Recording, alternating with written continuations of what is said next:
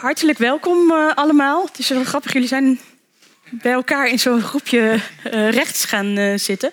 Um, vinden jullie het erg om wat meer recht voor ons te gaan zitten? Want het is zo gek als jullie zo erg in het hoekje zitten. Even allemaal, allemaal doorschuiven.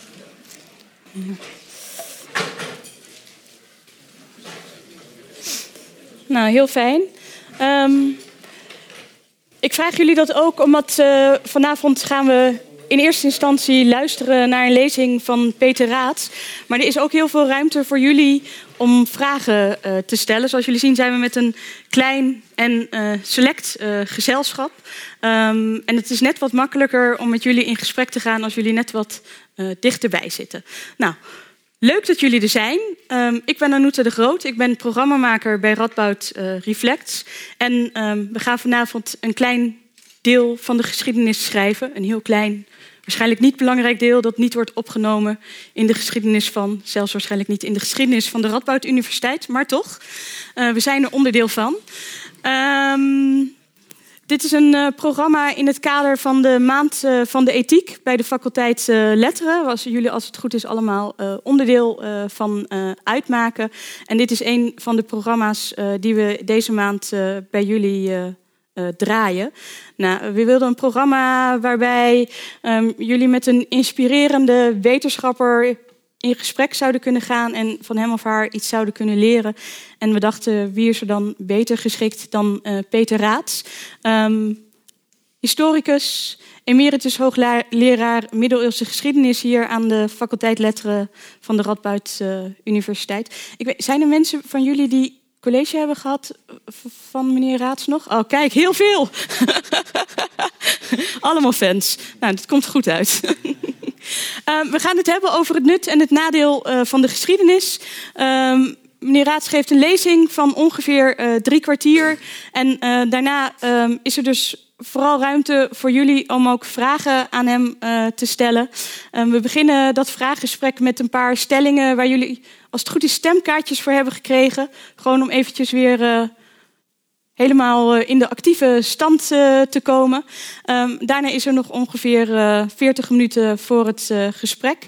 Um, jullie zijn niet de enige fans van lezingen van meneer Raad. Want ja, u heeft al meerdere keren bij Radboud Reflex ook een lezing gegeven. Dat zijn altijd lezingen geweest die me zijn bijgebleven en waar ik echt iets nieuws heb gehoord en iets heb geleerd. En wat ik vooral altijd heel interessant vond, was dat um, vanuit een historisch perspectief op de actualiteit je echt iets over de actualiteit uh, kunt leren, waar je eerder misschien minder bij had stilgestaan. Ik wens jullie een hele mooie, interessante en uh, plezierige avond. En ik geef heel graag het woord aan meneer Raad. Dank u wel.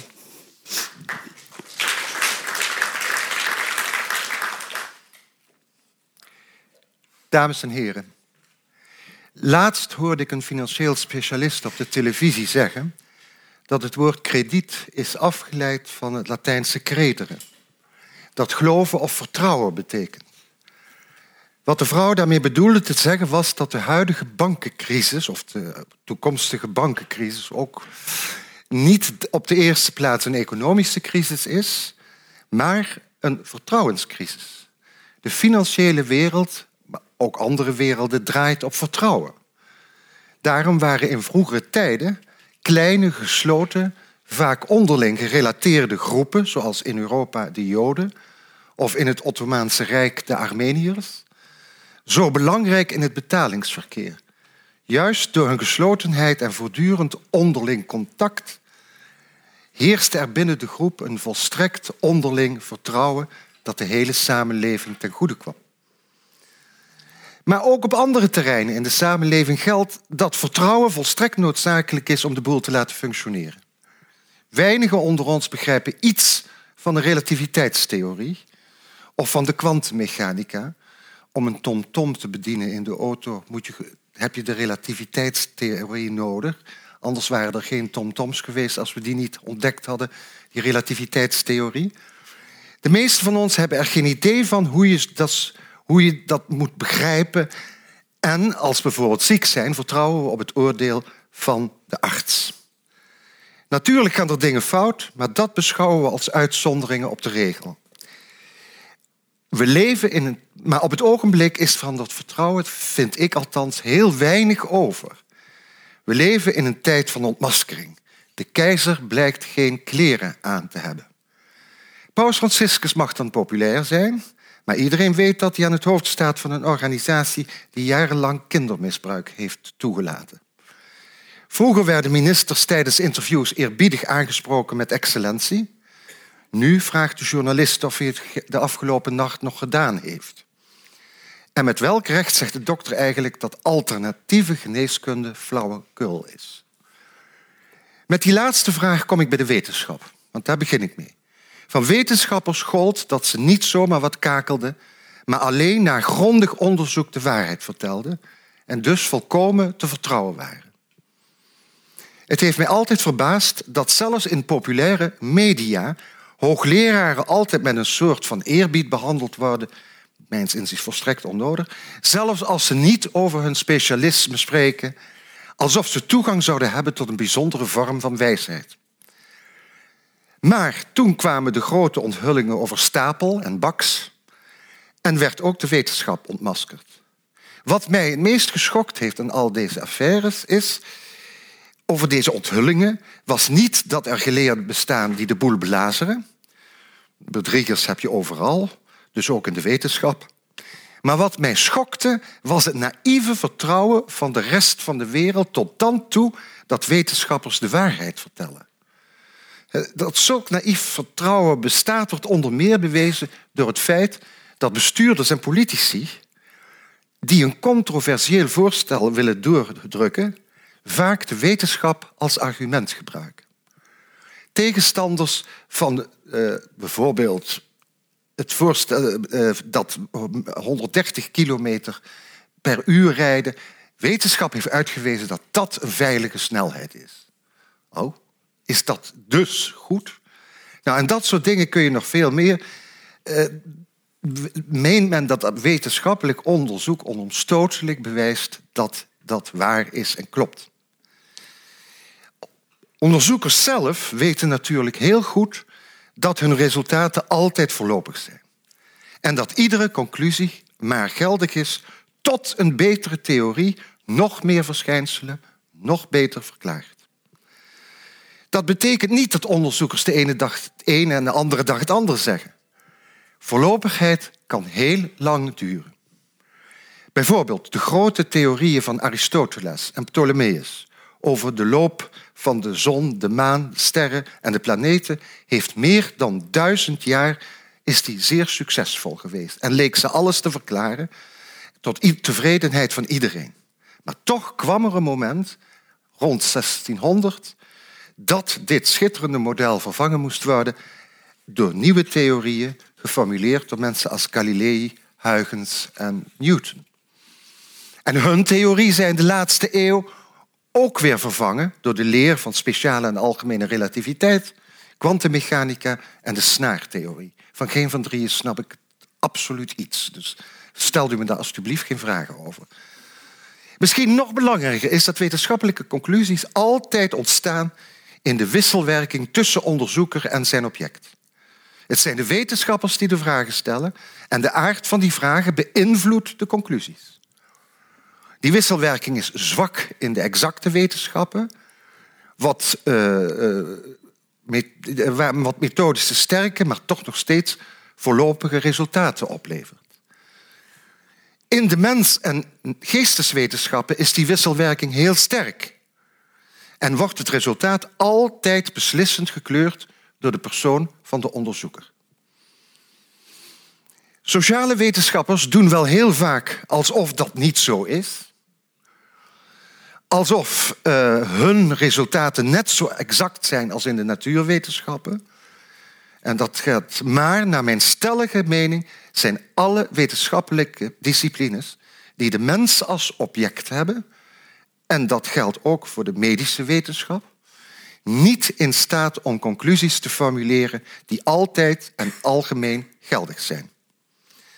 Er bestaat in de wetenschappen van de mens niet zoiets als de wet van de zwaartekracht. Econometristen spannen hier, wat sociale wetenschappers betreft, de kroon. Maar hoe exact de econometrie is, bleek toen haar beoefenaars volstrekt niet in staat bleken om de bankencrisis van 2008 te voorspellen. Laat staan dat ze er oplossingen voor konden vinden.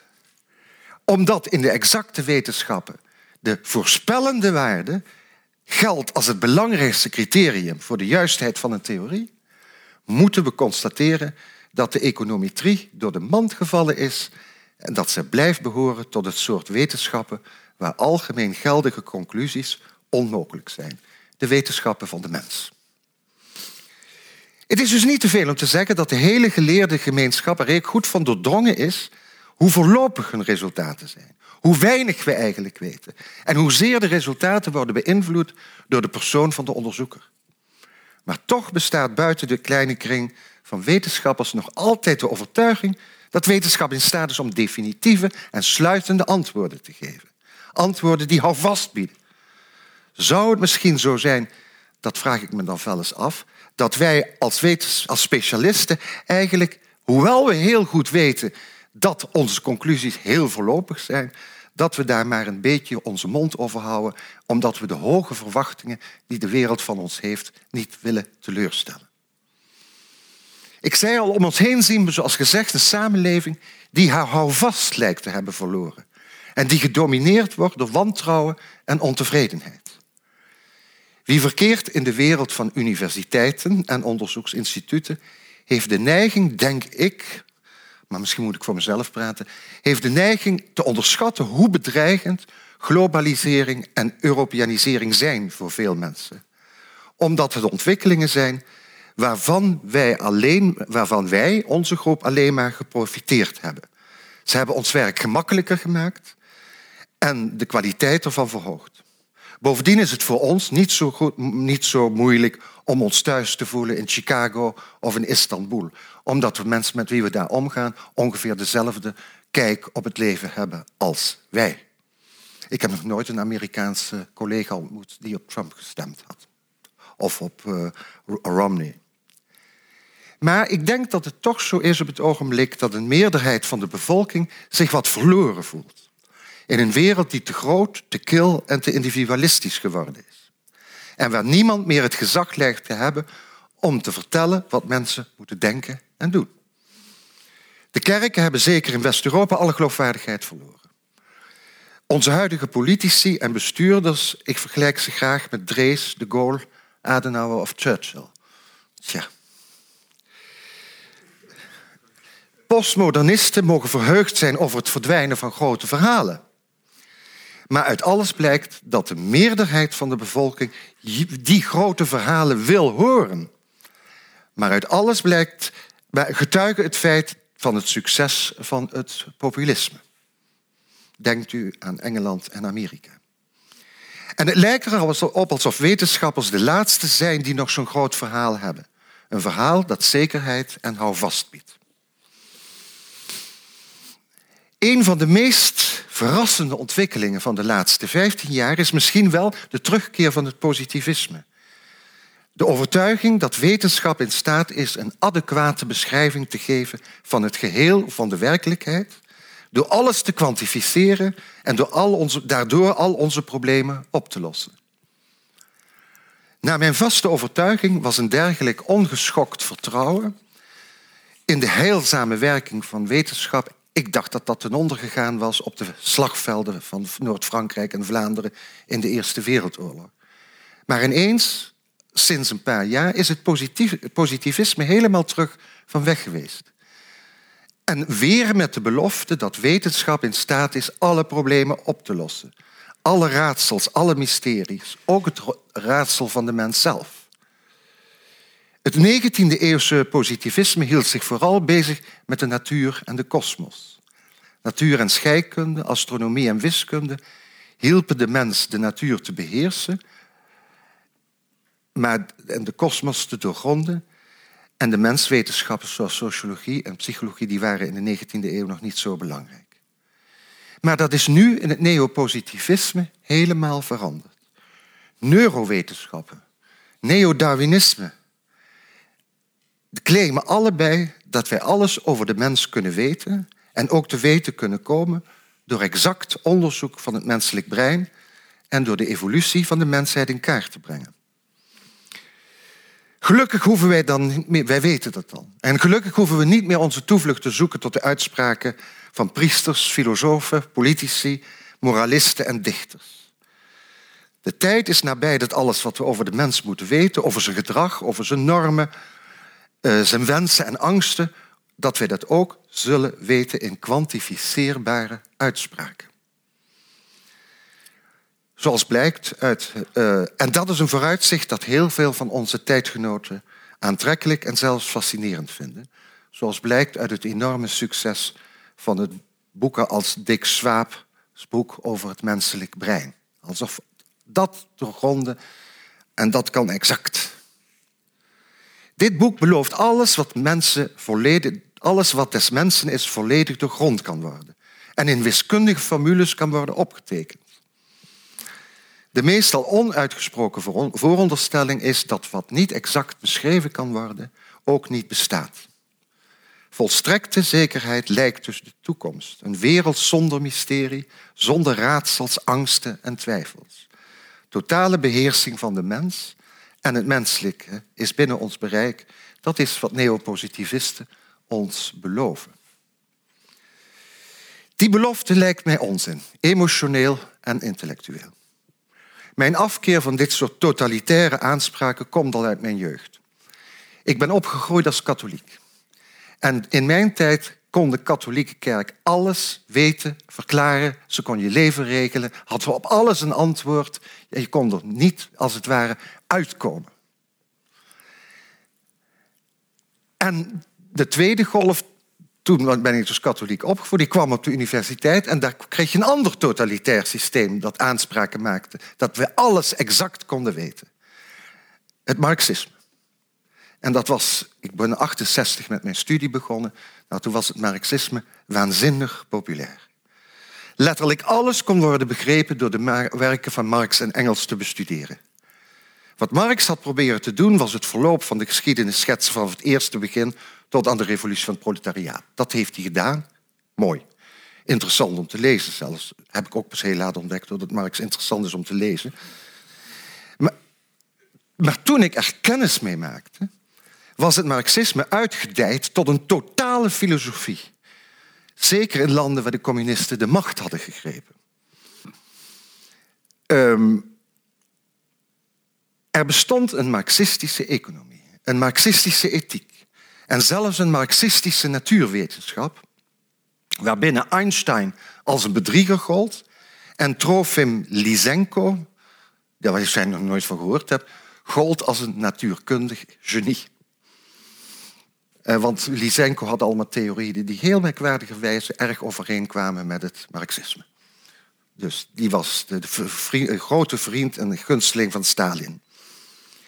En nu is er neurowetenschap en neodarwinisme, die ook steeds meer gaan claimen dat ze alles kunnen uitleggen wat er uit te leggen valt. En wie dit soort claims niet accepteert, is een zondaar in het katholicisme, een klassevijand in het marxisme en een onnadenkende domoor in het neopositivisme. Mag je dan eigenlijk nog wel bestaan? Dat wil overigens niet zeggen dat hij denkt dat katholicisme, marxisme, neurowetenschap en de evolutieleer niet heel veel kunnen bijdragen aan de kennis van de mens en de wereld. En dat ze ook hun waarde hebben als richtlijnen voor het leven. Maar wanneer ze zeggen dat ze alles kunnen verklaren, daar houdt het voor mij op. De claim van totale kennis, dat is mijn grote zorg. De claim van totale kennis heeft altijd als consequentie de poging om alles wat mensen te zeggen en doen te controleren. En als je alles weet, kun je ook alles controleren. Het is het einde van de vrijheid van het individu om zijn eigen keuzes te maken. Aldous Huxley heeft die vrees verwoord door het fascisme, toen het fascisme opkwam. En na de machtsgreep van het communisme in Oost-Europa heeft George Orwell laten zien waar totalitarisme op uitloopt, van welke aard dan ook. In al deze boeken gaan over hetzelfde. De nachtmerrie van totale controle gebaseerd op de claim van totale kennis. En daardoor teleurgang van de vrijheid. Nou, dan ben ik nu eindelijk bij de geesteswetenschappen. om dit soort dergelijke claims te weerspreken en dit soort nachtmerries te bezweren, zijn de geesteswetenschappen in staat om ons te helpen. Omdat het uitgangspunt van deze tak van wetenschap is dat totale en complete kennis volstrekt, van alles volstrekt onmogelijk is. Om twee redenen. In de eerste plaats is al onze kennis in de geestes, zowel als in de natuurwetenschappen, gebaseerd op taal. Maar kan taal de werkelijkheid buiten ons weergeven? De meeste positivisten zijn ervan overtuigd dat een geformaliseerde wetenschappelijke taal mogelijk is die het geheel van de werkelijkheid als zodanig kan beschrijven. Maar zelfs in de middeleeuwen waren er al filosofen, zoals Willem van Ockham, die stierf in 1347, die van mening waren dat de structuur van de taal en de structuur van de werkelijkheid twee totaal verschillende dingen zijn. De logica die de mens toeschrijft aan de wereld buiten hem bestaat alleen hier, in zijn hoofd. Wat in wetenschappelijke disciplines gebeurt, is modellen opstellen en dan controleren of die modellen werken. Dat wil zeggen of ze in staat zijn toekomstige gebeurtenissen te voorspellen. Als die voorspellingen uitkomen, blijven we die modellen gebruiken. Zo niet, dan stellen we nieuwe modellen op. Maar niemand kan met zekerheid de vraag beantwoorden of die modellen waar zijn en een adequate representatie geven van de werkelijkheid als zodanig. Kant baseerde zijn onderscheid tussen fenomenale en nominale wereld op dit inzicht. En in de 20e eeuw hebben filosofen als Michel Foucault laten zien dat taal een wereld schept en dat taal een instrument is om de wereld te beheersen en politieke machtsverhoudingen te scheppen of te bevestigen. De letterkundige Edward Said paste Foucault's theorie toe op de Orientalistiek en liet zien dat Orientalisten geen ware beschrijvingen geven van de geschiedenis en de cultuur van het Midden-Oosten, maar dat zij met hun boeken een instrument geschapen hebben om de wereld politiek, sociaal en economisch te beheersen. Op een heel andere manier, vooral door zijn ervaringen als soldaat in de Eerste Wereldoorlog, heeft eh, Ludwig kwam ook Ludwig Wittgenstein tot de ontdekking dat geen enkele vorm van taal, zelfs niet de meest geformaliseerde, in staat was om de diepte van de werkelijkheid te peilen en om de meest existentiële vragen te beantwoorden. Dat is waarom hij aan het einde van zijn belangrijkste boek zei, wovon man niet spreken kan, darüber muss man schweigen. In de tweede plaats is er in de geesteswetenschappen een diep bewustzijn dat alle kennis, net zoals alle tradities, instellingen en gewoonten, historisch bepaald zijn. Dat alles zijn tijd heeft. Het komt en het gaat. Zoiets als een universele menselijke natuur of een universele cultuur bestaat niet en dus ook geen universele en voor altijd geldige kennis. Natuurlijk is ieder mens een product van biologische evolutie en in zoverre zijn alle mensen identiek. Maar dat verkaart volstrekt niet de enorme variëteit aan culturen, zowel in het verleden als nu, die verschillende menselijke groepen in verschillende historische situaties hebben opgebouwd. Goede historici gaan er daarom van uit dat iedere historische periode en iedere cultuur een individueel karakter heeft. En dat het niet gekopieerd kan worden of geïmiteerd kan worden door andere, latere generaties. Maar dat het alleen uitgelegd kan worden via een hermeneutische methode. Hier zou natuurlijk tegen ingebracht kunnen worden dat dit niet waar is voor de natuurwetten. Indonesiërs en Nederlanders zijn volstrekt verschillend in hun taal, zeden en gewoontes. Maar de wet van de zwaartekracht is even geldig in Jakarta als in Amsterdam. Dat is zeker het geval. Dus lijkt het er dan op dat de natuurwetenschappen ontsnappen aan de vloek van de historiciteit, omdat hun conclusies altijd en overal waar zijn. Ze zijn zeker overal waar, zwaartekracht. Maar zijn ze ook altijd waar? Ik heb het al vermeld. Eeuwenlang verklaarde het model van dat Aristoteles formuleerde en dat Ptolemeus perfectioneerde de loop van de zon, van de maan, van de planeten op een manier die iedere wetenschapper bevredigde. Het model voldeed aan alle eisen van een wetenschappelijke theorie. Het voorspelde toekomstige gebeurtenissen. Nieuwe verschijnselen konden erop ingepast worden. Het was de waarheid. Er waren ook een aantal dingen die mensen niet konden verklaren. Bijvoorbeeld de theorie van Ptolemeus heeft nooit kunnen verklaren hoe de, waarom de planeten zo liepen als ze liepen. Planetes betekent ook zwerver, dus die, die, die paste niet helemaal in het wiskundig model. Maar dat is eeuwenlang op de koop toegenomen. Totdat ineens er mensen kwamen, eerst Copernicus, later Galilei, die zei dat hele model is fout. Dat is compleet fout. En dat is niet omdat Aristoteles dom was en we nu beter weten. Nee, wij, Aristoteles dacht in een, binnen een totaal ander model. En daarbinnen was hij een genie. Maar voor ons, wij zeggen nu, dat model klopt niet meer. De grote wetenschapper Thomas Kuhn heeft dat een paradigm shift genoemd. Een verschuiving van het paradigma. De telescoop werd uitgevonden zo rond 1610. Een paar jaar later keek Galilei door dat nieuwe instrument van de telescoop naar de maan. En hij zei, maar de maan ziet er net zo uit als de aarde. Terwijl in de theorie van Ptolemeus gold dat alles, de maan en alles daarboven, dat was in de, van ether.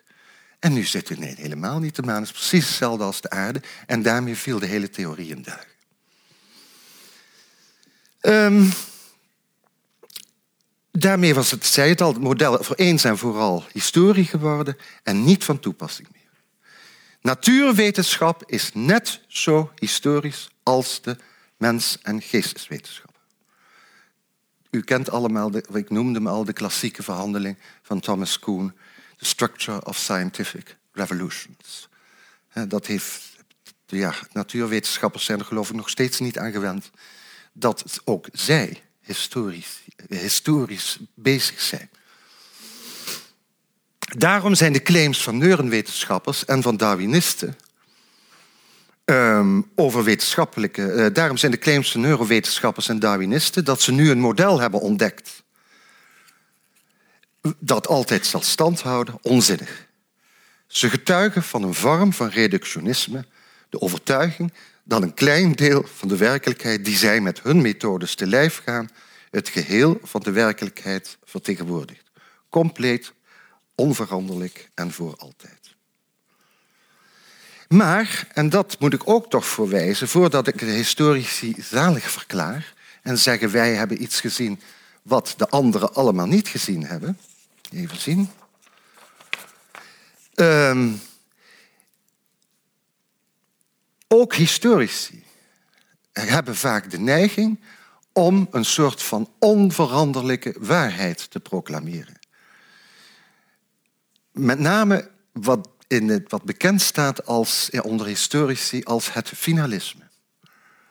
dat, de, dat, het, eh, dat het feit dat de geschiedenis beschrijft hoe in één lange logische ontwikkeling wij komen waar we nu zijn. En dat waar wij nu zijn het gevolg is van die lange, constante ontwikkeling. Dat is finalisme. Um, nu ben ik even taal kwijt. Ah, ja, ja. Al meer dan 100 jaar geleden, in 1912, waarschuwde Johan Huizinga ervoor dat alle geschiedschrijving, maar zeker die van oude en eerbiedwaardige gemeenschappen en instellingen, het gevaar lopen het heden af te schilderen als de logische uitkomst van een lange noodzakelijke ontwikkeling. Als een sluitend verhaal waarin alles klopt en het latere onvermijdelijk uit het eerdere voortvloeit. Waarin alles gegaan is zoals het moest gaan en het allemaal niet anders kon zijn gegaan als het gegaan is. Meer ideologie dan geschiedenis.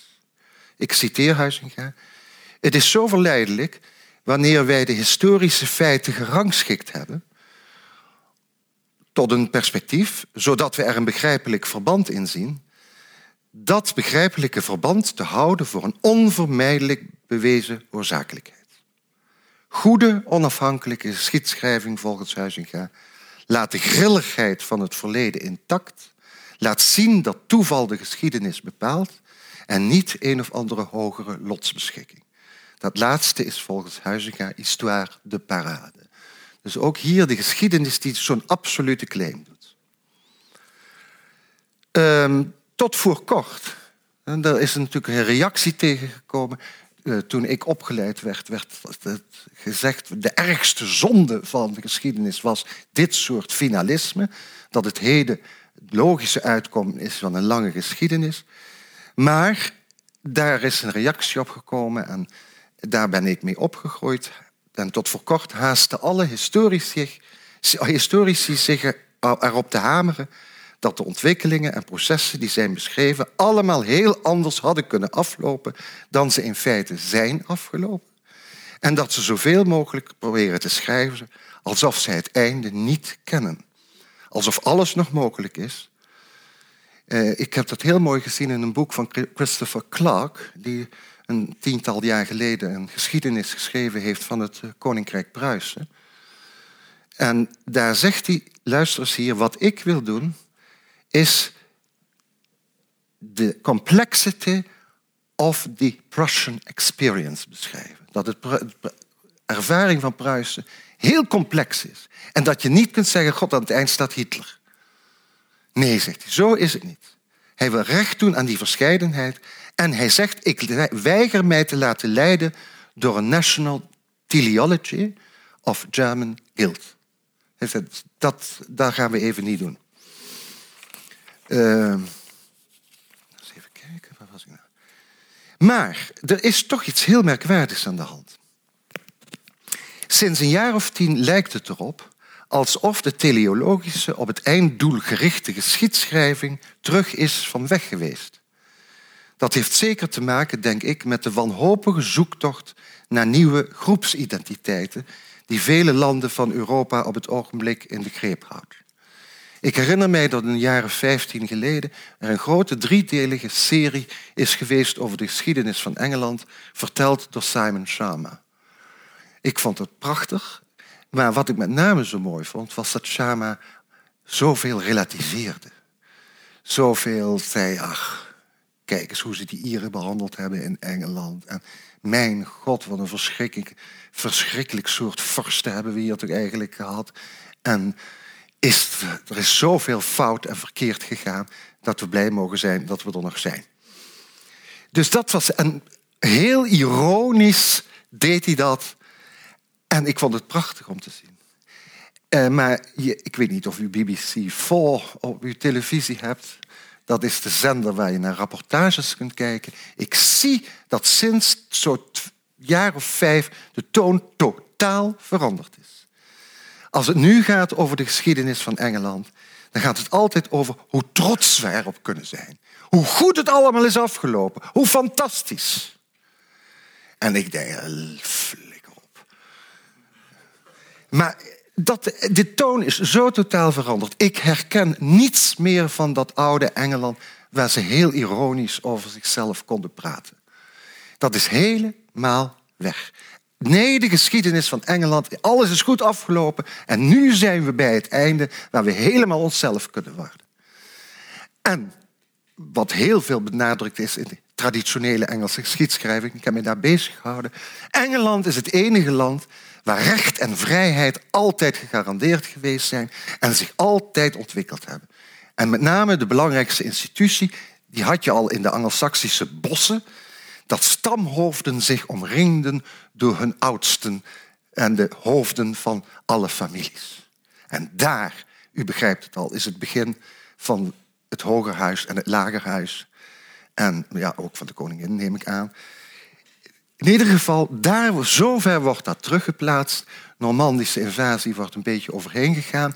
En het krijgt zijn volgende vorm in koning en parlement. Eduard I roept, als ik het goed heb, in 1294 voor het eerst het parlement bij elkaar. En van daaruit gaat het verder en beter met iedere generatie. 1688 is een heel groot jaar, omdat toen het parlement voorgoed heeft uh, bevochten dat zij de koning niet alleen mochten adviseren, maar dat ze mochten meebeslissen. En sindsdien is het met Engeland alleen maar beter geworden. U denkt dat ik overdrijf, maar dat is niet zo. Ik kan u passages laten lezen waar dit letterlijk zo in staat. Nou, u begrijpt waarom ik dat Engelse voorbeeld neem. Het is een soort geschiedenis die kan alleen maar leiden tot de ellende die we nu in Engeland meemaken. Wij hebben het altijd goed gehad, wij hebben het recht gehad. Oh ja, want dat komt er ook nog. Dat is een thema wat ik nog even vergeten heb. Dat ze zeggen, wij zijn het enige land waar vrijheid altijd bestaan heeft, waar altijd overleg geweest is. In tegenstelling tot het vreselijke continent van Europa, waar tirannie heerste. Kijk maar naar de Franse koningen. Mijn god, de vreselijke Lodewijk XIV. Stel die nu eens tegenover onze, nou, noem maar op, laat ik Willem III maar nemen. Dat is een tijdgenoot van Lodewijk XIV. Dus, en dat verhaal is dus echt drie, vierhonderd jaar oud. En het verdomme, het werkt nog steeds, zoals we nu met die brexit gezien hebben. Het continent is fout en wij zijn goed en gelukkig dat we eruit zijn. Ik wil dat voorbeeld voor mij zo belangrijk, omdat het laat zien hoe een bepaald soort geschiedschrijving, hoe, welke kwalijke gevolgen dat kan hebben. Als je jezelf niet meer kunt relativeren en als je zegt, nou ja, Nederland is een democratie. Maar wat we hebben, wij hebben namelijk precies hetzelfde. We zitten de hele tijd te donderen met het poldermodel. Nederland is altijd bepaald door het poldermodel. Wij hebben een traditie, sinds we in de middeleeuwen dijken begonnen te bouwen. Die kun je niet alleen bouwen, dan moet je overleggen. Nou, daar is het poldermodel ontstaan. Ik verwijs u naar de vele verschijnen, hoe moet ik dat zeggen, optredens van collega Pleij op de televisie. En dat is natuurlijk niet zo. Het, polder, poldermodel is een term uit de jaren negentig. Daarvoor heeft er nooit zoiets bestaan. En het had heel anders met Nederland kunnen aflopen. Uh, het, het, Limburg had natuurlijk bij België moeten komen. Nou, toevallig is dat anders beslist. Maar goed, dus het is dat, dat soort geschiedenis waarin het heden het logisch einde is van een hele lange ontwikkeling dat leidt voor mij dus tot rampzalige toestanden. Nogmaals, zoals we nu in Engeland zien. Oké, ik kom tot een einde. Zulke claims die ik nu net beschreven heb, zijn wetenschappelijk niet te onderbouwen. Ze zijn metafysisch en misschien nog erger, ze zijn, wat ik al zei, politiek gevaarlijk. De Franse filosoof Emmanuel Levinas stelde mensen voor de keuze tussen geslotenheid en openheid, tussen totaliteit en oneindigheid. Voor wetenschappers betekent die keuze voor het oneindige dat hij of zij moet beginnen met de erkenning dat we nog heel weinig weten, dat al onze kennis tijdelijk is, voorlopig en altijd voor herziening vatbaar. De waarheid is iets wat we nooit in de greep kunnen krijgen de waarheid ligt altijd voor ons als een wenkend perspectief, waar we zo eerlijk en bescheiden mogelijk naar moeten streven. Alles is voorlopig, alles is beperkt, daar zullen we mee moeten leren leven. Alles is toeval en dat is de beste weg voor een wetenschapper en zeker voor een historicus om de mens vooruit te helpen. Dank u wel.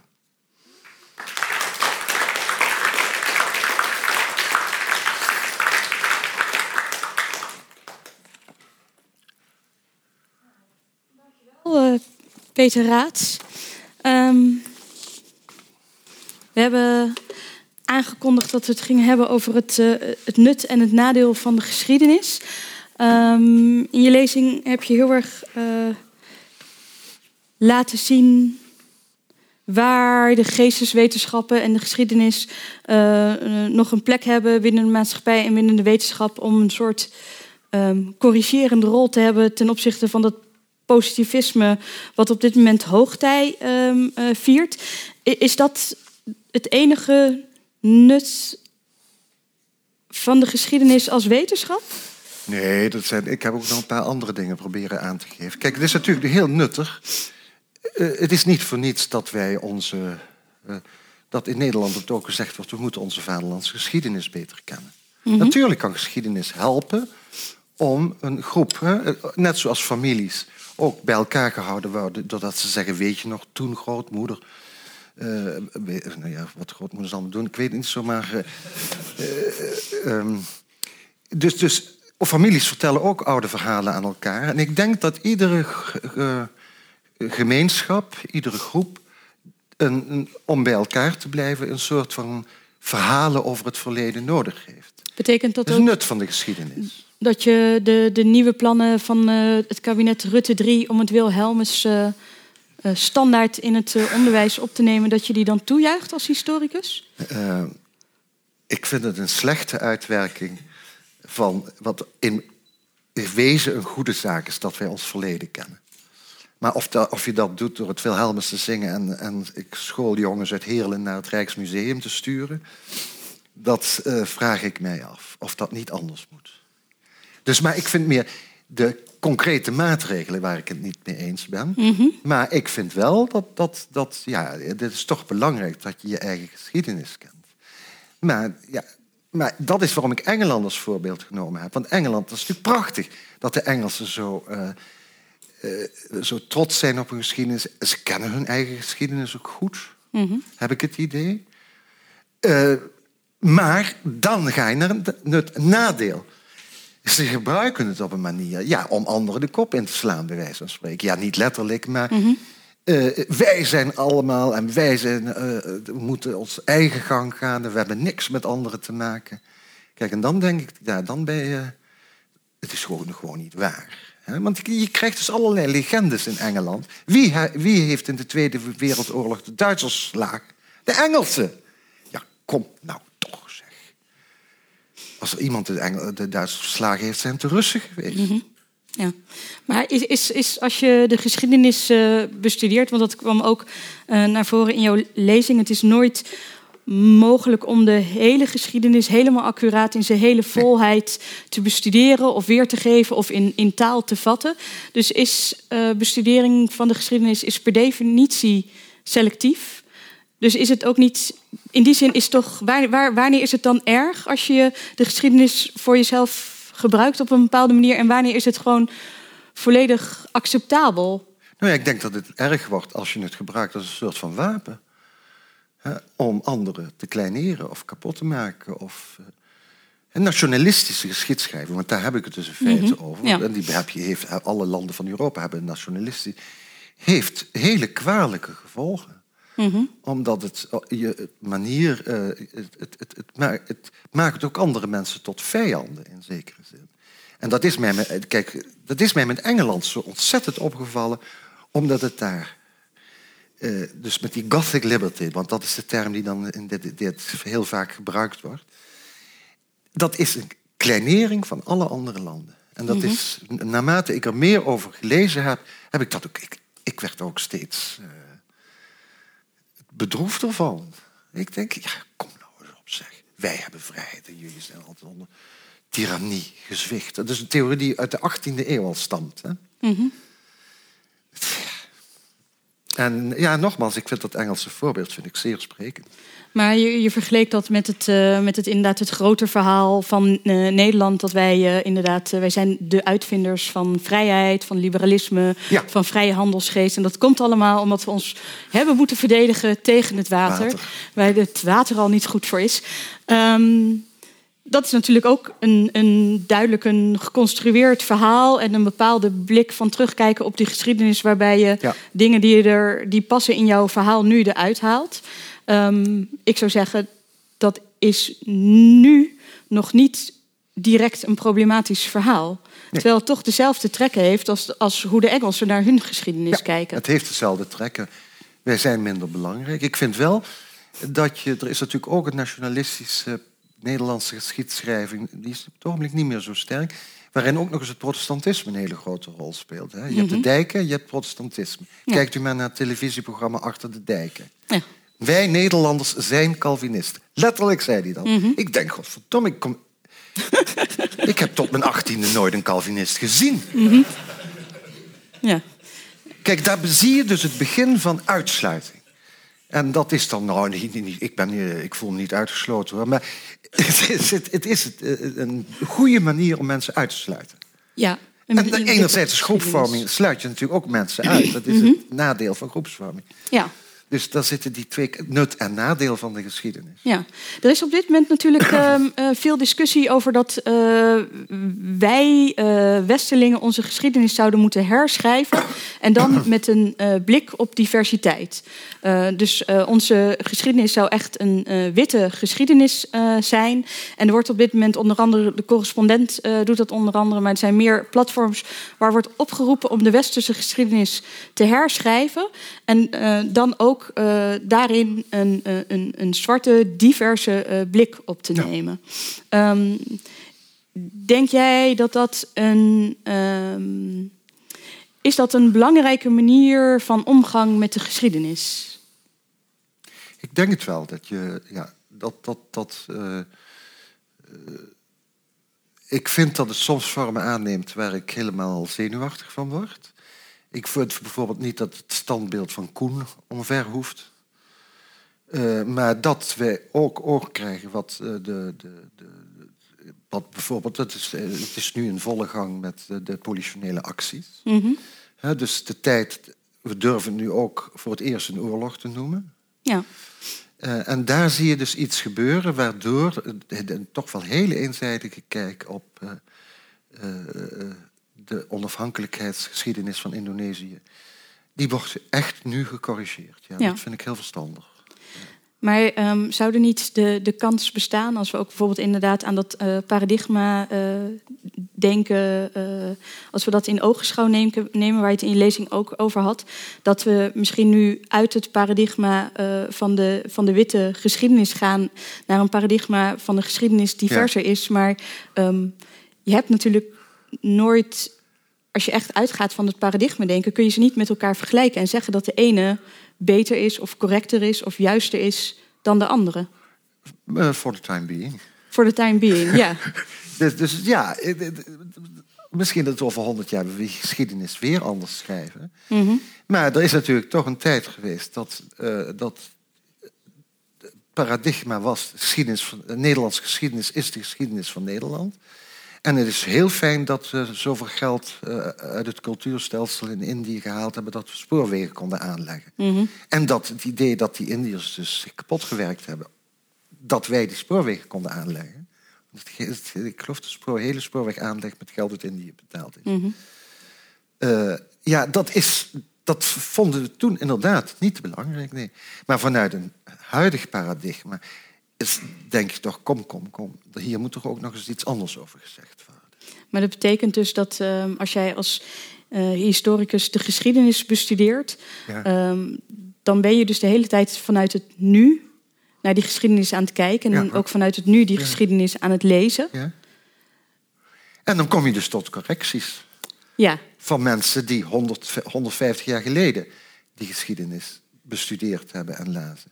Ja, ik ben zelf niet zo op de hoogte van, vader, eh, van vaderlandsgeschiedenis. Hoewel ik dat, die hele verandering van waardering van de politionele acties wel een interessant uh, onderwerp vind. Mm -hmm. uh, maar ik ben zelf heel veel bezig met de geschiedenis van de katholieke kerk. Ja, ik denk zoals mijn ouders over de paus schreven en dachten aan Mohula. Dat dat een soort van heilige was die daar permanent in Rome onsterfelijke uitspraken deed. Ja, wij kijken daar nu toch heel anders tegen. Mm -hmm. En dus gaan we ook een andere geschiedenis schrijven. Ja, maar betekent dat dat je ben je dan als historicus um, primair bezig de geschiedenis te beschrijven, of ben je als historicus de geschiedenis op een bepaalde manier aan het gebruiken uh, om het nu te beschrijven, of om het nu uh, een, een verhaal van het nu te maken? Ik denk dat je allebei doet. Je beschrijft de geschiedenis. Ik, als ik, uh, nogmaals, ik moet concreet hebben wat onderzoek dat ik zelf gedaan heb. Bijvoorbeeld die geschiedenis van de pauze. Ik heb het gevoel dat ik beter doordring tot hoe de pausen gefunctioneerd hebben in het verleden. Door uh, niet uit te gaan van dat de pauze het logische einde is van een lange ontwikkeling van mm -hmm. 2000 jaar. Ja. En ik denk dat ik daarmee ook de waarheid recht aan doe. Maar ik realiseer me heel goed, ik heb ook mijn beperkingen. Ik zie misschien dingen die mijn voorgangers niet gezien hebben. En de mensen die na mij komen, zien weer andere dingen dan ik. En die mm -hmm. zeggen, god, die raad gewoon ook lullen, zeg. Waarschijnlijk, ja. ja nee. Um, Ik wil eigenlijk een, eh, een paar stellingen heel kort uh, de revue laten uh, passeren. We hebben jullie daarvoor stemkaartjes gegeven. Mooie groene en rode kaartjes. Ik ga er even zelf bij staan. Vind ik wat makkelijker. Um, het zijn stellingen over de geschiedenis die je in het dagelijks leven, denk ik, af en toe tegenkomt. Het is gewoon de bedoeling dat je even laat zien of je het eens of oneens bent. Um, ik ga ervan uit, Rob, dat eens groen is en oneens rood is. Heel logisch, heel intuïtief. Um, ik ben gewoon even benieuwd hoe jullie, als je er gewoon snel een antwoord op formuleert, uh, wat jullie idee is. Dus hou je stemkaartjes gereed. Zijn jullie er klaar voor? Eén, twee, de eerste.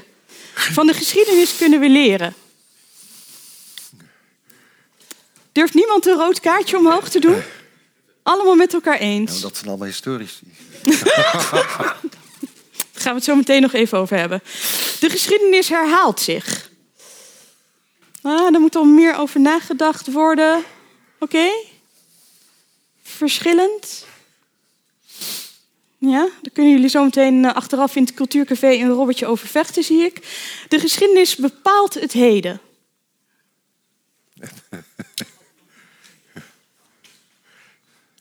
Ja?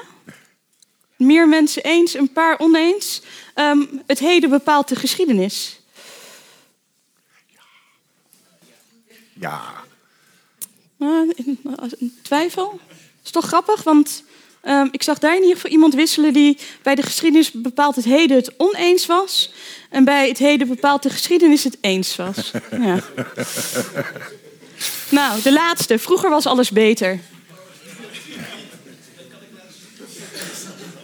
Ah, ik vind dat zelf een hele leuke. Het is natuurlijk een enorm cliché. En um, de meeste van jullie zijn het er ook mee oneens. Volgens mij is het ook zo'n cliché geworden dat het eigenlijk uh, de meeste mensen het überhaupt ermee oneens uh, zullen zijn.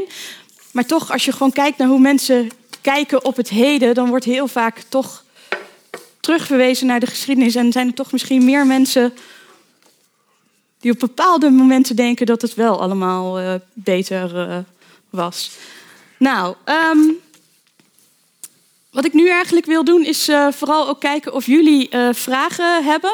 Um, er zijn mensen met microfoons. We vinden het fijn als jullie even wachten op de microfoon, zodat iedereen jullie goed uh, kan verstaan.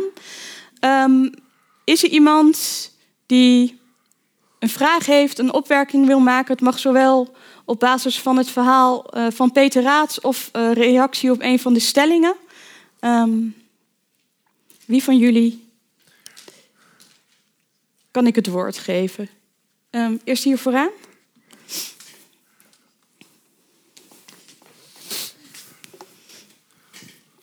Uh, ja, dank u wel. Um, ik vroeg me af, uh, zoiets als Brexit, als we daar naar kijken, inderdaad als voorbeeld, is dat per se een gevolg van geschiedschrijving of is dat ook vooral een gevolg van een, een, verwisseling in cultureel bewustzijn. Ik zou bijvoorbeeld zeggen van een grotere dissociatie tussen uh, geschiedschrijving en de praktijk uh, in, en hoe mensen in het algemeen denken.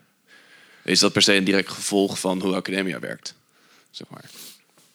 Ik persoonlijk denk dat het het gevolg is van ja, dat, dat de Britten in zekere zin hun eigen geschiedenis heel erg goed kennen. Maar ze hebben daar die hele bepaalde kijk op van de, de, de absolute uh, primaat van Groot-Brittannië. Van Engeland dan nog. Hè. Want je, weet dat het in Schotland en Noord-Ierland uh, wel iets anders lag. Maar ik denk dat dat toch wel heel veel met de geschiedenis te maken heeft. Ja. En dat ze ook altijd hetzelfde reageren. Wij hebben dat gedaan en we, onze vrijheid is vergroot, we hebben gewonnen. We hebben Europa van de tirannie bevrijd, uh, enzovoort. En zo kun je doorgaan.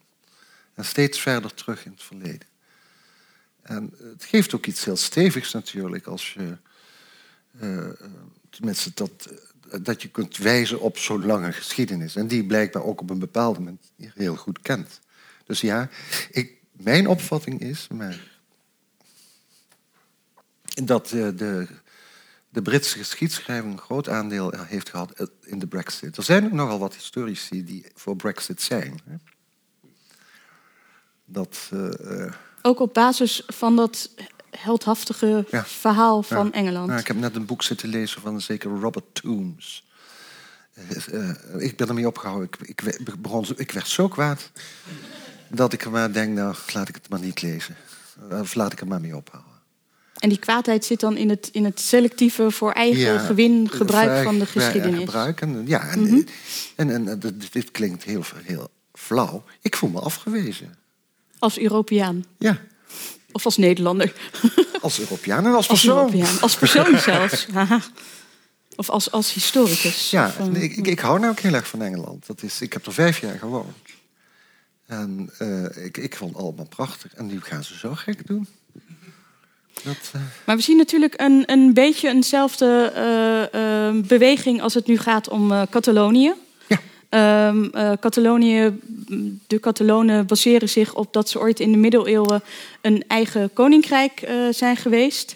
Uh, en dat zou rechtvaardigen of, of, ja. of, inzichtelijk moeten maken waarom ze nu ook weer een eigen ja. land zouden moeten zijn. Klopt. Maar zit daar voor jou dezelfde ergernis als historicus achter? Ja, eigenlijk wel. Ja, dus ik vind dat, dat, dat het er kunnen hele goede argumenten zijn om te zeggen: goed, eh, Catalonië blijft niet langer bij Spanje. Ik, ik ken overigens die goede argumenten niet, maar uh, ik denk als je dat meteen maar met de, de historisch dichtmetselt, dat je dan iets doet wat. Ja. Je zou ook de nadruk kunnen leggen op het, op het feit dat die koninkrijken in, op het Spaanse Schiereiland, dat die één geworden zijn. Dat, mhm. dat, kun je ook de nadruk op leggen. En zeggen, we hebben de verschillen overwonnen. We zijn in Koninkrijk Spanje. Ja, Portugal, dat hebben ze dan ook even gehad. Maar dat is dan in 1640 heel onafhankelijk geworden. Uh, maar, dus je kunt de accenten ook anders leggen. Mm En, en dat, dat, maar in Catalonië zie je ook zo, inderdaad zo merkwaardig. Maar ja, ik lees geen Catalaans, dus ik. Uh... Maar vind, vind je dan ook dat um, je als historicus um, uh, eigenlijk de plicht hebt om op het moment dat, je, dat, dat, uh, de brexit, uh, dat in de brexit de, de, de, ja, de bepaald misbruik van de geschiedenis plaatsvindt. En op het moment dat hetzelfde gebeurt in een discussie over Catalonië, dat je als historicus daar op moet wijzen. Dat je bijvoorbeeld een, een opinieartikel in een dagblad moet publiceren. Ja, zou ik, dat zou ik wel. Ja. Maar misschien dat ik, maar nogmaals, er zitten veel historici hier. Ik vind ontmythologiseren een belangrijke functie van een historicus. Zijn, zijn jullie het daar uh, mee eens? Vinden jullie dat jullie als historici, ik weet niet hoeveel van jullie allemaal historici zijn, uh, uh, een bepaalde plicht hebben vanuit jullie vakgebied om, om op het moment dat er misbruik wordt gemaakt van de geschiedenis dat te corrigeren?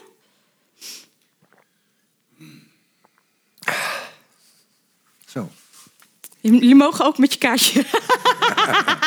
ik zie een eens. Wil je dat, uh, wil je dat eens toelichten? Is er iemand anders die dat wel uh, um, wil? Zijn jullie, zijn jullie het er allemaal mee eens? Ja?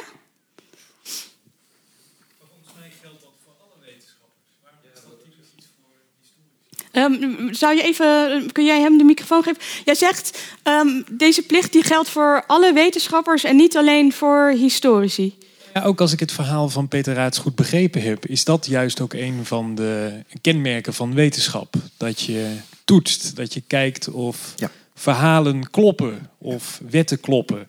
Dus in zekere zin zijn historici wat dat betreft niet anders dan andere wetenschappers je zou kunnen zeggen dat maakt misschien ook historici tot wetenschappers en niet alleen maar tot verhalenvertellers. Ja. En daar zit denk ik ook, dat vond ik wel, eh, het inspireerde mij wel, het begin wat ging over vertrouwen. En historici, zou je kunnen zeggen, zijn misschien wel wetenschappers die juist mensen niet het vertrouwen geven in de actualiteit, omdat als je naar het verleden kijkt, er natuurlijk ook heel veel verkeerd gegaan is. Je merkt heel erg ook dat soms soms geschiedenis heel erg vanuit de slachtofferrol benaderd wordt. Hè? Van, er zijn dingen in het verleden verkeerd gegaan en we willen daarvoor uh, in het heden uh, ja, een soort van tegemoetkoming krijgen. Maar dan denk ik ook altijd als historicus, ja, maar er zijn ook ontzettend veel dingen goed gegaan in het verleden. En het is aan historici om de balans ook in zekere zin te vertellen en daarmee ook het vertrouwen in de toekomst te vergroten. Tenminste, dat, zo zou ik er uh, over denken. Om het ook maar in de groep te gooien om de discussie verder te brengen. Zijn er mensen die daar anders uh, over uh, denken? Ja? Uh, dan krijgt u daarna de Hallo. microfoon. Nou, ik wilde... Hallo. Ik wilde eigenlijk een tussenopmerking opmerken. dat was toen het ging over dat brexit. Kan me nog goed herinneren dat de media zaten er allemaal bovenop. Ik zie Twan Huis nog. En mede Limburg, ik ben ook Limburger geweest dat hij ook, die was stellig, die was stellig ook dat die, uh, meneer, meneer die, mevrouw Hillary zou winnen. Dat bleek dus niet zo te zijn. En ook die brexit, daar was men ook in de media helemaal van overtuigd dat dat niet zou gaan gebeuren. Toch gebeurde dat. En ik, nou ja goed, je kunt ernaast zitten. Dat klopt. Maar u maakte zo even een opmerking, en ik wil er al meteen aan toevoegen dat het ook niet mijn vriend is of dat ik voor die Trump ben, maar dat u wel nadrukkelijk zegt dat Trump niet deugt. Dat vind ik namelijk nogal. Uh, ja, daar hebben toch heel veel mensen voor gekozen. En ik hoor ook berichten uit, uit uh, moet ik wel zeggen, dat, dat heb ik tussendoor gelezen. Dat bijvoorbeeld in dat verre oosten, verre westen van de Verenigde Staten leeftijdsgenoten van mij, ik ben dus al uh, bijna gepensioneerd, maar uh, uh, veel zelfmoord plegen omdat ze baan kwijtraken en al die dingen meer. Dus daar is wel wat aan de hand. En om dan zo die meneer te duiden, ja, daar moeten we denk ik toch eens over nuanceren. Mm ja, je kunt er, ja, ja. Is, is, is, is het misschien een charlatan, ik weet niet wat hij is. maar eh, door meteen te zeggen van ja, hij, hij is fout, dat zei u namelijk. Maar ik denk je allebei kunt. Ja, je kunt toch een oordeel, eh, eh, gegrond oordeel over iemand of over een bepaalde situatie hebben. Dat je zegt, ja, maar ik keur het wel af. Ik geef op het ogenblik college over de kruistocht.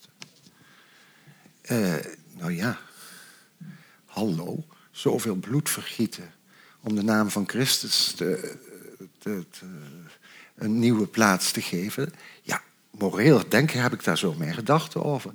Maar als ik kruis, college over de kruistocht geef, dan denk ik, ik wil proberen te begrijpen wat deze jonge ridders aan het einde van de 11e eeuw bewogen heeft om het zwaard te pakken, op een boot te stappen om duizenden en duizenden uh, ducaten of wat ze in die tijd hadden uit te geven om naar het Heilige Land te gaan om daar voor Christus te vechten.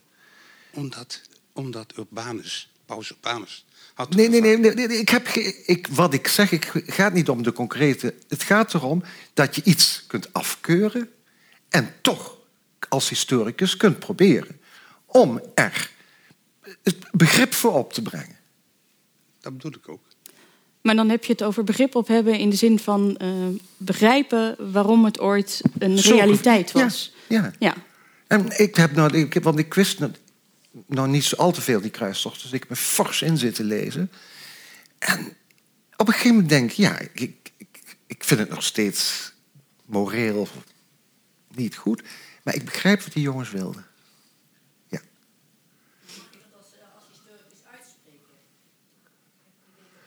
Ja, dat doe je ook als je het niet uitspreekt. Uh, je moet gewoon. Je hebt toch. Je hebt je eigen oordelen. En als. als, als uh, dat, maar niettemin of je nou iets afkeurt of goedkeurt, je moet proberen het goed te beschrijven. Maar dat heeft te maken met een, eh, een onderbouwing zoeken van je eigen uh, voorkeur of afkeur. Is het niet juist misschien wel de taak van een goede wetenschapper en ook in die zin een goede historicus, dat je juist je bewust bent van je eigen voorkeuren en afkeuren? En dat je die dan juist mee kunt nemen in je onderzoek, om, en omdat je er bewust van bent, er op een bepaalde manier afstand van kan nemen? Ja. Maar je, maar je hebt ze, dat weet je. Je mhm. hebt oordelen. Je vindt bepaalde dingen goed en niet goed. En, en, en, uh, uh, maar dat is nog iets anders dan dat je het probeert te begrijpen. Die afstand moet je zien te vinden. Ja. En tegelijk, uh, heel belangrijk is dat je er wel van bewust bent. Ja. Dat je die keuzes maakt. En ik, ik ben erop tegen dat in naam van het christendom uh, anderen de kop worden ingeslagen. Ja, dat is in de kruistocht wel op ruime schaal gebeurd. Ja, dat is, uh, en, maar dan nog denk ik, waarom hebben ze dat nou gedaan? Maar je zou natuurlijk ook als historicus door uh, een bepaalde periode in de geschiedenis juist wel of niet te onderzoeken, dus juist wel of niet weer boven water ja. te halen, um, heb je natuurlijk op een bepaalde manier kun je uh, publieke opinie uh, over gebeurtenissen nu beïnvloeden. Ja. Um, dus op het moment dat je zegt uh, de, ja. de, de periode van de kruistocht is een periode uh, die ik zelf afkeur, maar ik kan als historicus wel uh, erin duiken en onderzoeken waarom het in die tijd een realiteit was, waarom het heeft plaatsgevonden, ja. waarom zoveel mensen zich daarbij aansloten.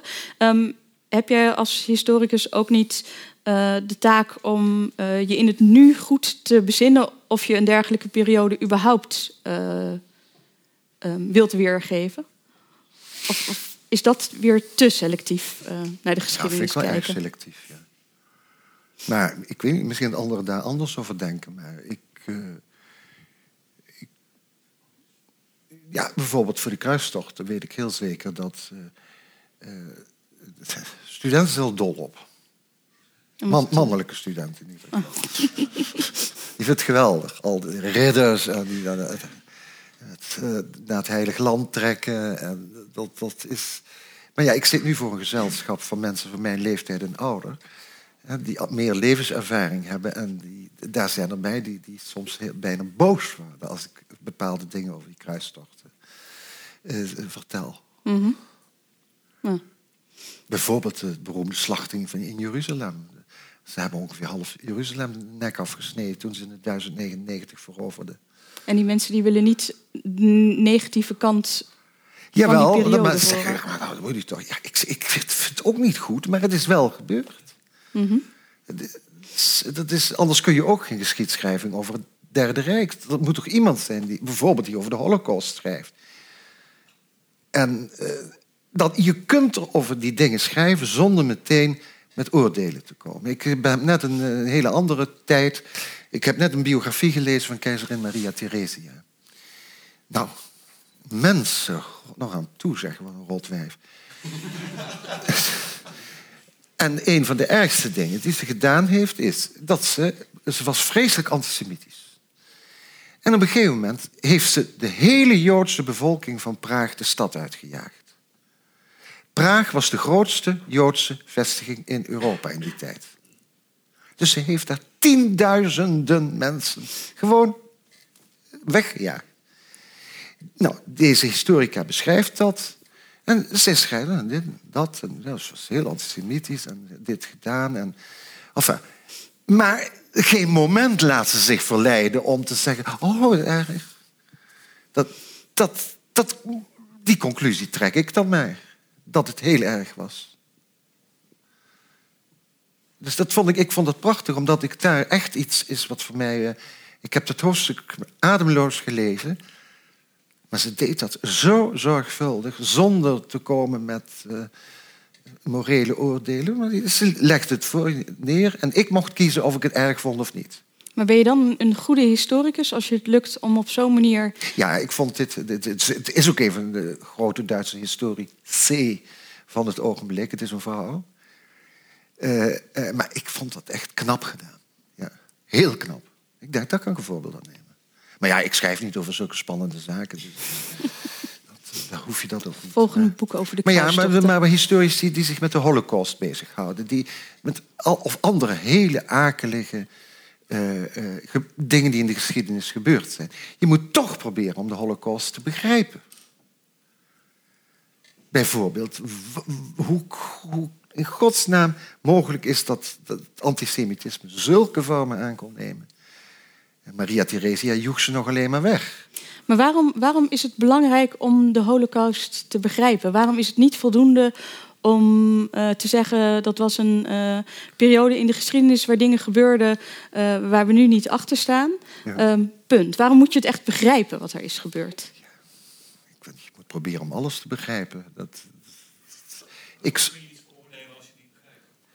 ook dat, dat, dat. Begrijpen gaat vooraf aan. Ik, ik vind je, ja. Aan het oordeel. Ja, want daar vind ik dat je voorkomen gelijk in hebt. Ja. Nee, maar als je meteen met eh, beoordelingen komt, dan sluit je jezelf af voor echt begrip, volgens mij.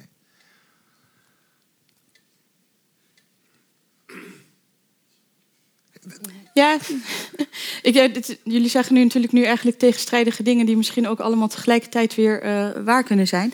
Maar um, jij wil uh, nog iets zeggen, dus. Uh,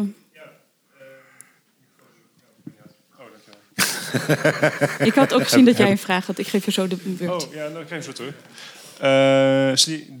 Ben ik, ben ik ja. maar? Ja, ik vind de, de discussie Um, er, zit, er zit een ongemak in de discussie. Omdat, niet, niet, ik heb het naar mijn zin hoor, uh, verder geen probleem. Maar er zit een ongemak in de discussie, omdat ik het idee heb dat er ergens iets niet besproken wordt of zo. Of dat er, dat er iets boven hangt van dat, dat we allemaal wel een idee hebben over wat goed en wat slecht gebruik is van de geschiedenis. Maar daar hebben we het niet over, want wie, wie bepaalt wat het is? En dat, je, u zei net, uh, een historicus moet, uh, kan, kan best een rol hebben om uh, bijvoorbeeld een opiniestuk in de krant te schrijven als er iets gruwelijks fout gaat. Maar dan gebruik je toch je rol voor een politieke daad, bijna toch? Maar dat, dat vinden we hier goed, veel mensen, denk ik. En tegelijkertijd zijn we in ons oordeel verenigd over wat fout is in de wereld, zoals de Holocaust. Um, het is moeilijk om er een vraagteken achter te breien, maar het is een ongemak dat ik nog even wilde ja, uitspreken.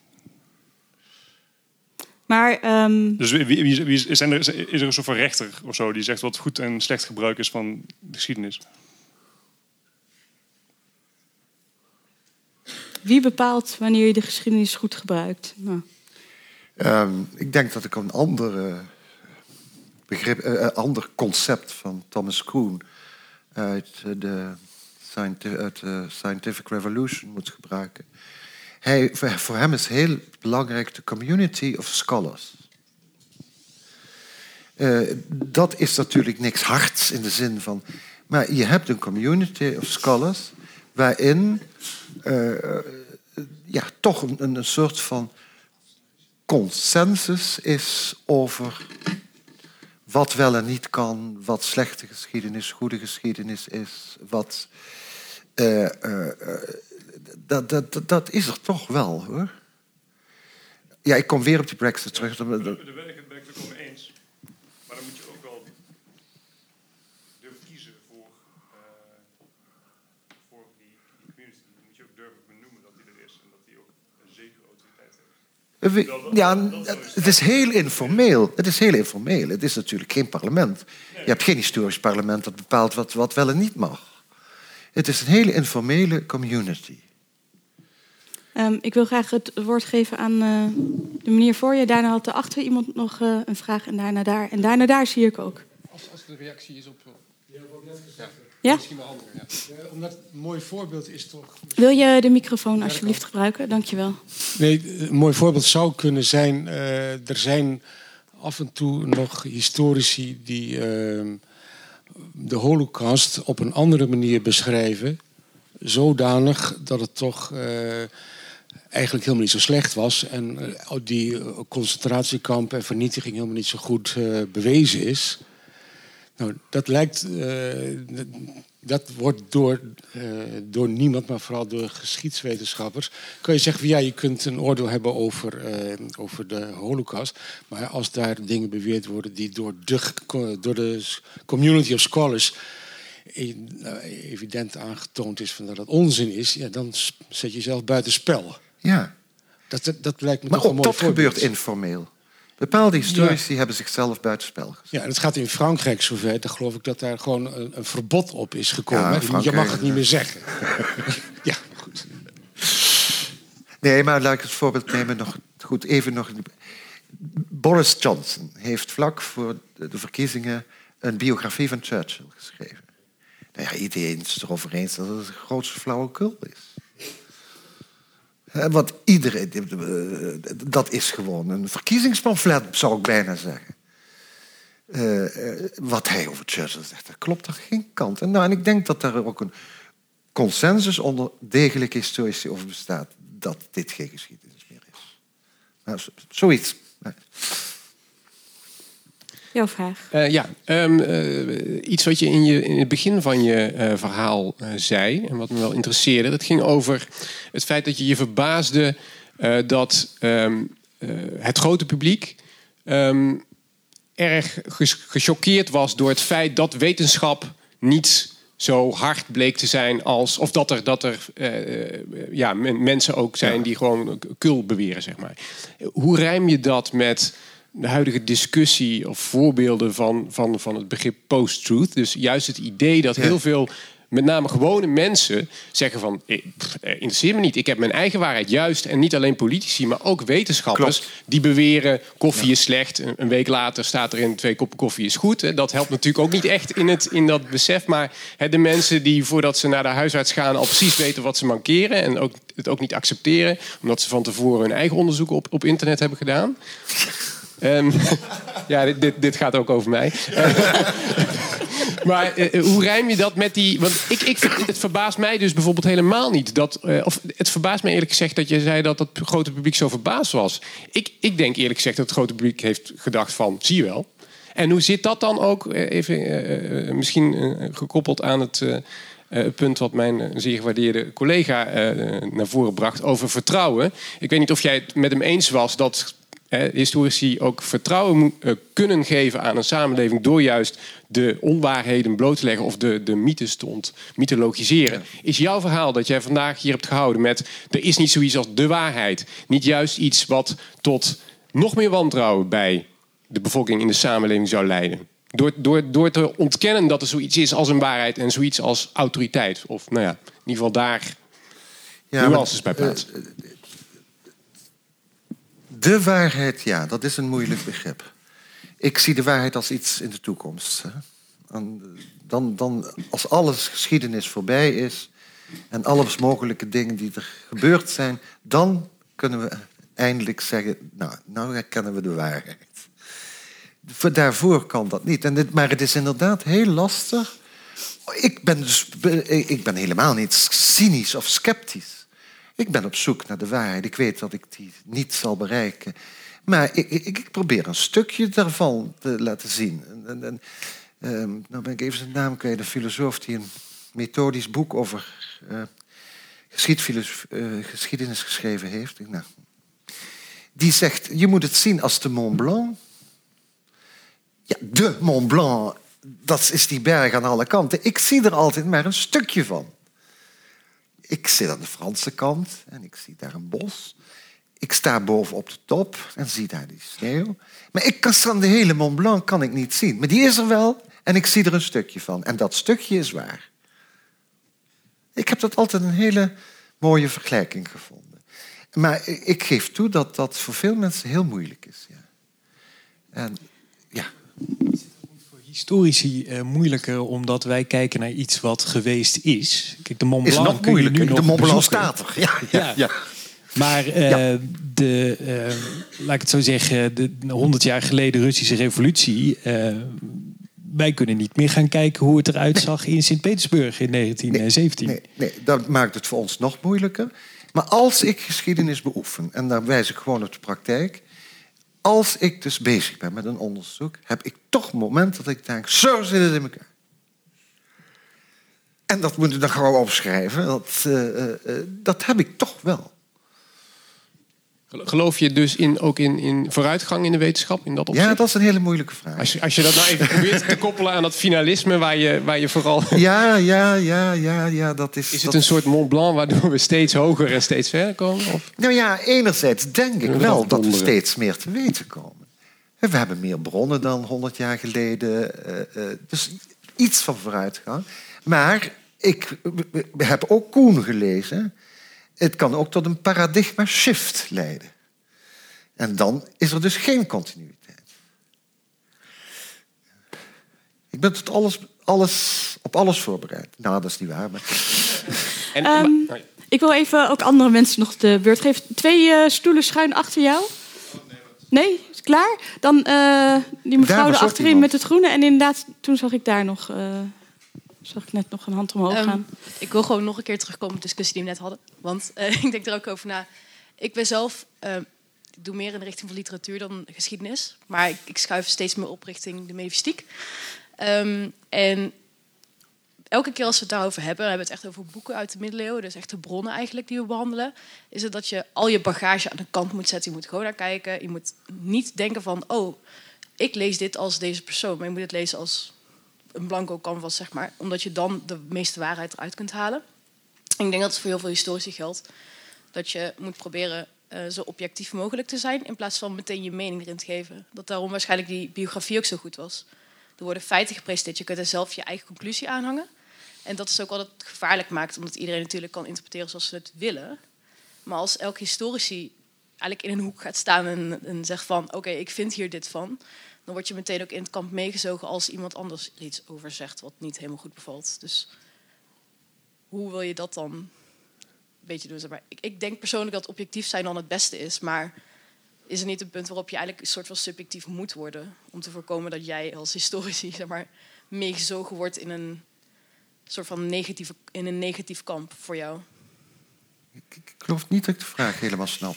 Dus maar, ik, ik vind dat je uh, objectief naar geschiedenis moet kijken. Dat dat de beste manier is zeg maar, om ja, als historicus zeg maar, je, je ja, hoe moet je het zeggen? Ja.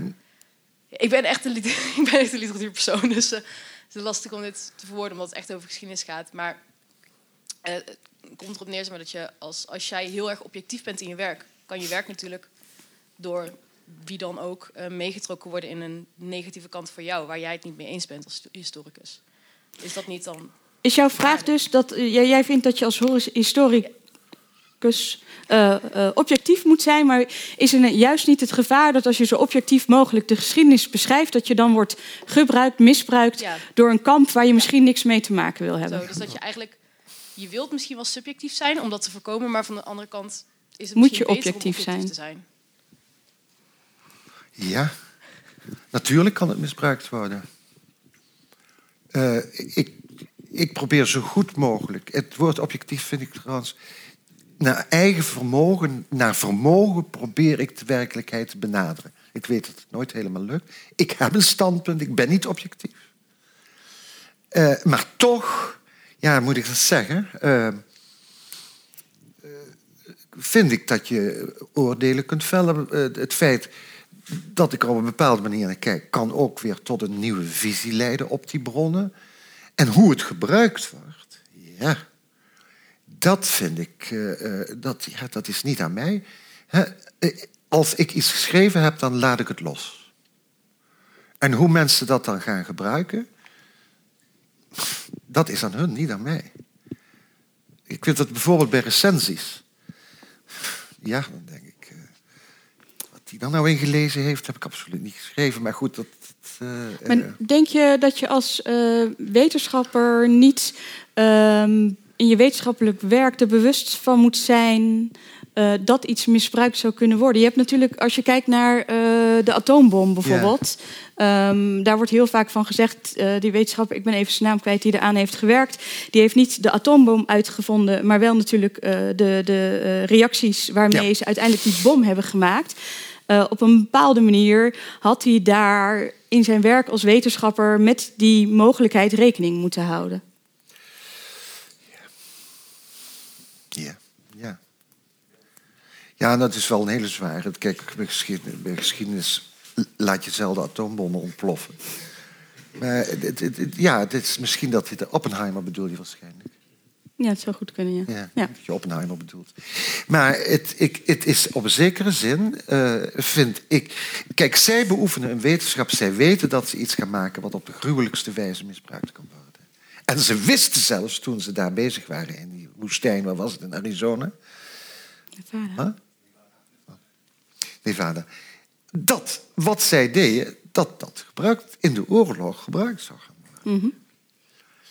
Ja, dat, uh, dat zo, tot zo'n grote ethische verantwoordelijkheid zal ik nooit dragen. Denk ik. Ja, dat zei ik natuurlijk. Te, goed. Maar anderen kunnen het gebruiken. Niet op, op de manier waarop ik dat zou willen. Ja. Um, wou jij reageren op uh, wat hier werd gezegd? Nou, ik krijg uit de discussie ook een beetje het gevoel alsof uh, geschiedenis wordt neergezet als een soort uh, beschrijvende wetenschap die eigenlijk bijna misschien een soort van doorgeefluik is van uh, historische waarheden. Ik, ik, weet dat dat niet je standpunt is, maar is ook niet de, de kracht van de, weet, van, van de geschiedwetenschap wat dat betreft dat. dat ze polemisch is van aard. Dus dat je eigenlijk juist ook als historicus je hebt een gedeelte waarin je inderdaad objectief laat zien. Ja. Uh, Maria Theresa was antisemitisch, et cetera. Hierom en hierom en hierom. Maar dat je vervolgens ook een duiding en een interpretatie aan geeft. En uh, daarmee dus ook stelling neemt in een debat. Waar anderen misschien zullen beweren dat Maria Theresa uh, een, een uh, verlichte vorstin was. Die, et cetera. En, en is dat niet waar het debat dan uiteindelijk verder mee komt? En, en ja. Ja, ja je, je, ja, je praat altijd, altijd vanuit een bepaald standpunt. En, en maar je bedoelt eh, dat ik eigenlijk uit dat boek over die eh, Maria Theresia toch wel, daar komt een waardering uit. Die zij misschien, dus zij die het geschreven heeft, die zij misschien uh, toch geeft zonder dat ze dat zo uitdrukkelijk zegt? Oh, ik, weet niet wat er specifiek in dat boek stond. Ehm, eh, maar het is aan de ene kant dus, eh, is het een, een kracht, inderdaad, zoals we eerder constateerden, om ehm, zonder oordeel naar de geschiedenis te kijken en je door middel van je in te lezen en je te verdiepen en al het mogelijke materiaal onder ogen te krijgen, uh, een, oordeel, of een, een, een, inzicht te krijgen in hoe, ons, hoe de historische omstandigheden waren, et cetera. Uh, van de andere kant uh, geef je daar wel uh, het verhaal dat je daarmee probeert te vertellen, is bij uitstek ook gekleurd. En daarmee neem je toch ook stelling in, in een debat. Uh, ja, je denkt dat, dat je niet ongekleurd een verhaal kunt schrijven. Ja. ja. Ik denk dus dat mevrouw uh, Stolberg-Rillingen niet antisemitisch is. Nee, dat, dat denk ik ook niet. Dat blijkt, ik, ik blijkt uit de hele beschrijving. Ja, nou ja, in, ja, maar in die zin, um, uh, ja. Nou, misschien, misschien is dat ook voortbouwend op wat je zei van... Um, uh, van zit er vooruitgang in van voor de Tweede, Tweede Wereldoorlog... bij wijze van spreken een dergelijke biografie...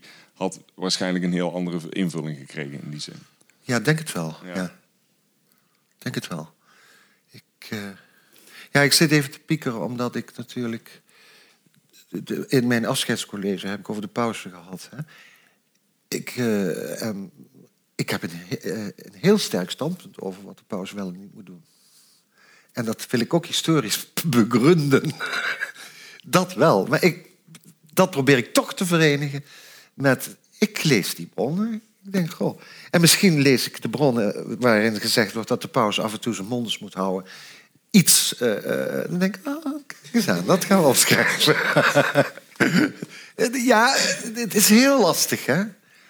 Het, het is, is gewoon. En, en, en, en, en ik, ik, merk ook dat als het dan iets is wat dan blijkt dat ook in het verleden pauzen toch wel zeer machtig waren, dat ik denk, godverdomme, ze kunnen nog rechtvaardigen ook. Dat, uh, maar je bent wel de hele tijd bezig met je eigen uh, waarderingen en zo. Maar en om daar te komen tot een, ja, ik durf het geen objectieve, maar tot een goede, zoveel mogelijk waardevrije waardering te komen, dat hoop ik dat ik dat toch kan.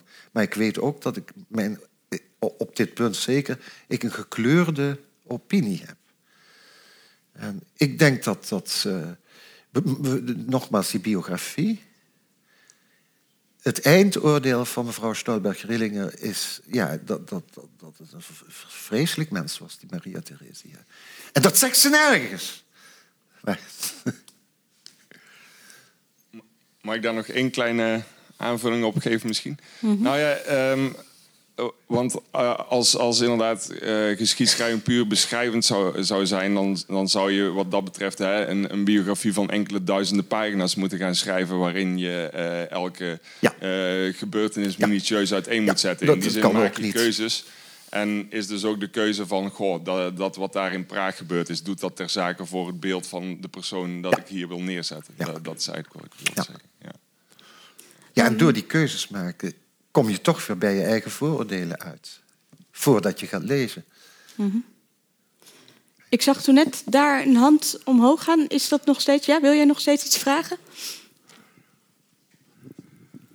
Um, ja, um, ik wil eigenlijk terugkomen op uh, Brexit, omdat dat voor u zo'n belangrijk voorbeeld was. Um, tegelijkertijd, ondanks zeg maar, wat er allemaal aan de hand is in Engeland met de geschiedschrijving, was dat een hele nauwe overwinning. Vrijwel de helft van de Britten heeft tegengestemd. Dus is het in dat opzicht dan ook niet um, een, een, kunnen we uh, de, die ontwikkeling die gaande is in de Britse mhm. geschiedschrijving, die komt ook wel weer heel erg mooi uit om een conclusie te trekken um, die misschien niet helemaal wordt verklaard door door die geschiedschrijving. Want hoe, dan wordt de vraag: waarom heeft het op een één gedeelte van het publiek wel dat effect en op een ander uh, gedeelte van het publiek niet dat effect? Um, dan zou je bij wijze moeten gaan uitzoeken. Uh, welke, hoeveel van de mensen die voor Brexit waren um, naar die documentaires kijkt of zo, of, of in aanraking komt. Dus is het een grote verhaal van deze avond dan niet dat we heel erg bewust zijn van het einde van de grote verhalen en dat je daarmee moet oppassen. Ehm, en dat dat eigenlijk in zichzelf ook weer een verhaal wordt waar dezelfde valkuilen um, op, de loer liggen. En, en uh, als je het hebt over het wantrouwen, um, is, het, is er het, wantrouwen komt dat niet voort uit dat ook in de wetenschap die, die, die um, dat de wetenschap steeds meer toegeeft dat ze niet die, die vaste antwoorden kunnen geven. Ja. Maar tegelijkertijd, we zijn hier vanavond om naar u te luisteren. Omdat u, en u bent hier om te praten, omdat u denkt dat u iets toe kunt voegen. Ja. Um, dus we zijn ons allemaal heel erg bewust daarvan. En dat het niet het finale antwoord is. En tegelijkertijd, we komen hier om iets meer van het finale antwoord te vinden of zo, nog steeds. Ter verheldering. Ja, En wat die Brexit betreft, ja, er zijn natuurlijk vele historici in Engeland. En heel veel, ik noem het Simon Sharma, maar ook anderen, ja, die hebben prachtige boeken over de geschiedenis van Engeland geschreven, waaruit een hele, waaruit een heel andere conclusie blijkt. Maar het, het, verhaal van Engeland als het unieke land is wel heel wijdverbreid in Engeland. Dat moet ik wel zeggen. Ja. Maar ja.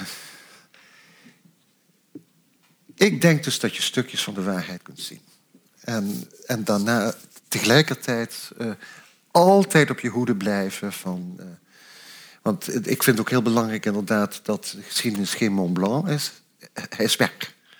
De geschiedenis is weg. En dat, is, dat heb ik zelfs vanmiddag nog gemerkt. Toen heb ik met een oude schoolvriend geluncht. En we hadden heel andere verhalen. Terwijl over onze jeugd verhalen van... Is dat ook gebeurd? Ja, zei hij, weet je nog? En ik zeg, er me niets meer van. Dus, dus, dus dat is ook iets van, ja... Je kunt dat verleden nooit meer helemaal reconstrueren. Zelfs je eigen persoonlijke verleden niet. Dat, uh, nou. De geschiedenis is weg, maar zeker nog de moeite van het uh, bestuderen waard. Ja, um, we zijn aan het uh, einde van deze avond uh, gekomen. Um, ik wil jullie allemaal uh, heel erg bedanken voor jullie aanwezigheid en um, jullie bijdrage aan de discussie. Ik wil natuurlijk Peter Raats heel erg bedanken voor zijn lezing en dat hij hier vanavond aanwezig was. we hebben volgens mij, ja, kan ik niet heel makkelijk laten zien. We hebben nog een laatste activiteit in de maand van de ethiek bij de faculteit Letteren over twee weken op dinsdag. Ik weet even niet uh, hoeveelste dat is. 24 oktober. ehm, hebben we Lotte Krabbenborg en André Lardina... die met elkaar eh, in eh, gesprek gaan over... Ik moet even spieken bij jou. de landing van nieuwe, nieuwe uitvindingen in de samenleving. Nou, over nieuwe uitvindingen in de sa- samenleving... waar Lardina onlangs ehm, een grote eh, subsidie mee binnengehaald met zijn onderzoek. Ik wens jullie nog een hele fijne avond en eh, graag tot ziens bij een volgende activiteit van Radboud Reflects.